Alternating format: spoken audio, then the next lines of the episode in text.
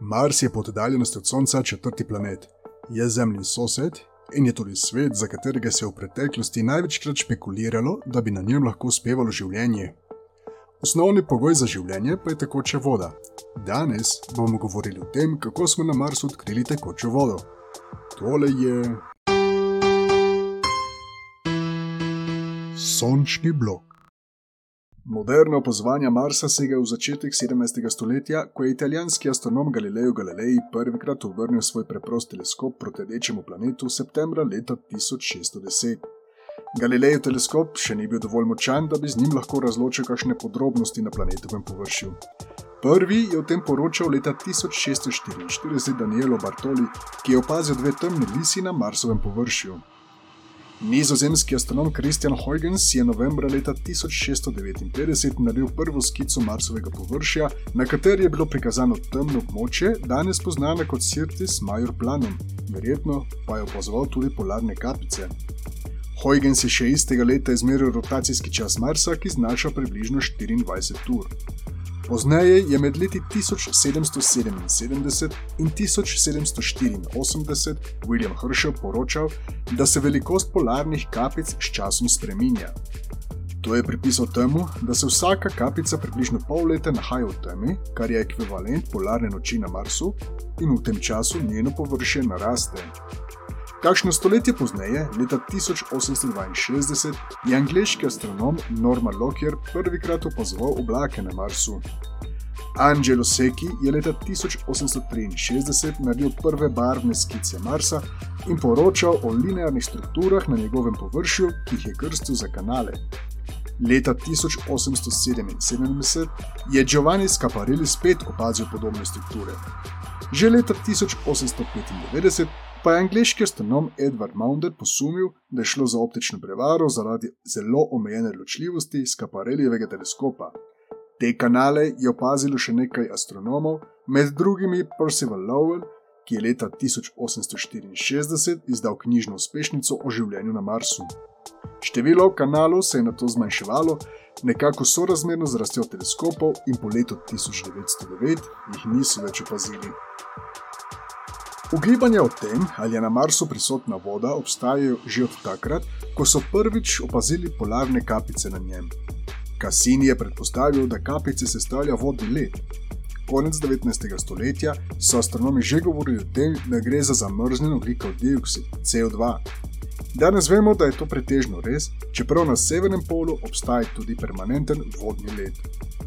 Kar malo ironično je, da so vesoljske sonde, ki so bile poslane na Mars, dejansko odkrile nekakšne kanale, le da ti niso narejeni umetno, temveč so struge, po katerih je nekoč tekla voda. Mariner 9 nam je leta 1971 poslal slike Marsovega površja, na katerih so bile globoke doline, ki jih je zdobila voda, jezera ter rečne delte. Obstajajo celo dokazi o tem, da je na južni Marsovi polobli nekoč deževalo in da je verjetno obstajal celo globalen ocean. Seveda so znanstveniki takoj posumili na možnost, da je nekoč na Marsu obstajalo tudi življenje, saj je bil v preteklosti izpolnjen osnovni pogoj za njega, to je tekoča voda. Naslednje veliko vprašanje pa je bilo, ali na Marsu še danes obstaja tekoča voda. Nihče sicer ni pričakoval rek, jezer ali mori. Čista voda na Marsu ne more obstajati v tekoči obliki, saj so temperature tam preniske, pa tudi atmosfera je preredka, kar bi povzročilo takojšnje izparevanje vode. Toda, če bi tališče vode na tem planetu nekako znižali za nekaj deset stopinj, bi tekoča voda lahko bila realnost. Zgodba o dokazih o vodi na Marsu se začne leta 2011, ko je skupina znanstvenikov iz ZDA predložila prve dokaze v njej na podlagi posnetkov, narejenih s sondo Mars Reconnaissance Orbiter. Znanstveniki so poročali o ponavljajočih se linearnih strukturah, ki so jih opazili na določenih predeljih na Marsu. To so bila območja, ki so na posnetkih bila do 40 odstotkov temnejša od površja v okolici. Te strukture v dolžino merijo do nekaj 100 metrov, v širino pa med nič celih 5 pa do 5 metrov. Pojavljajo se na strmih pobočjih in sicer takrat, ko je na Marsu pozna pomlad ali poletje in se temperature gibljajo med minus 23 do plus 27 stopinj Celzija. Na nekaterih posnetkih je bilo lepo vidno, da se lahko posamezna struktura razcepi v dve ali več struktur in obratno, da se nekatere strukture združijo v eno samo. Njihove dolžine lahko v enem dnevu narastejo za do 20 metrov. Največ jih je bilo najdenih na geografskih širinah med 18 stopinjami južno ter 19 stopinjami severno in sicer na pobočjih, ki so obrnjena proti ekvatorju.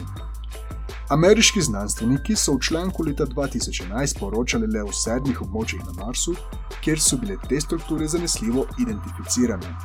Njihova interpretacija je bila, da gre za vodno raztopino nekaterih soli, predvsem magnezijevega, natrijevega in kalcijevega klorata, pa tudi železovega sulfata. Te soli lahko znižajo tališče vode za do 70 stopinj Celzija ter zmanjšajo sublimacijo vode za 10 krat. Leta 2016 je ta ista skupina znanstvenikov objavila še ključni članek, v katerem so potrdili kemično sestavo struktur. V tej študiji so se znanstveniki omejili na strukture v treh kraterjih, Horowitz, Palikir in Hale, ter v območju Koprates Kazma. Znanstveniki so se pri svojem delu oprli tako na fotografije Marsovega površja, ki jih je posnel inštrument HiRise, kot tudi na spektroskopske podatke inštrumenta CRISM. Metoda, ki so se jo poslužili, se imenuje spektroskopija. Leta deluje po sledečem principu. Če svetlobo, ki prihaja z nekega telesa, razcepimo na različne valovne dolžine, temu pravimo svetlobni spekter.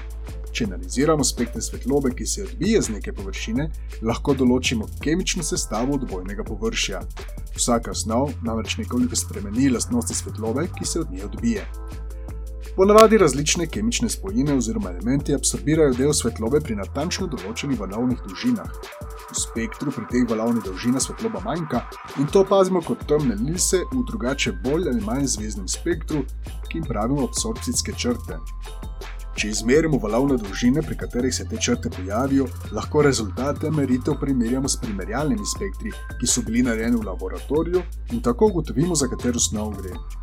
Znanstveniki so bili na lovu za absorpcijskimi črtami v spektrih krizma in sicer v razponu med približno 1,4 pa do 3 mikrometre. Absorpcijske črte, ki so jih znanstveniki odkrili, so bile izmerjene pri valovnih dolžinah 1,48, 1,91 ter 3 mikrometra in sicer proti koncu južnega poletja. Te črte nakazujejo na obstoj vodnih raztopin magnezijevega, kalcijevega ter natrijevega klorata. Podobne spektre so znanstveniki izmerili še na preostalih treh območjih. S tem so nedvomno potrdili tezo, da strukture nastanejo zato, ker se v toplih obdobjih po njih pretaka slanica, torej vodna raztopina različnih soli, to pa pomeni obstoj tekoče vode na Marsu. Na koncu se lahko vprašamo, kam vodi to odkritje. Avtori v svojih člankih omenjajo, da na enem najbolj suhih predelov na Zemlji, v puščavi Atakama, obstajajo območja, kjer se pretakajo podobne slanice, v katerih živijo mikroorganizmi. To daje upanje, da bi se na Marsu lahko dogajalo isto. Seveda obstaja ena pomembna razlika med Marsom in Zemljo. Na Marsu so temperature dovolj visoke le nekaj mesecev v letu, potem pa padajo globoko pod ničlo. Ni še jasno, če bi mikrobi lahko preživeli pri tako nizkih temperaturah in v zelo redkem Marsovem ozračju. Odgovore na ta vprašanja bodo morale dati misije, ki se bodo na Mars odpravile v bodoče, med njimi se bo na planetovo površje čez nekaj let spustil rover ExoMars.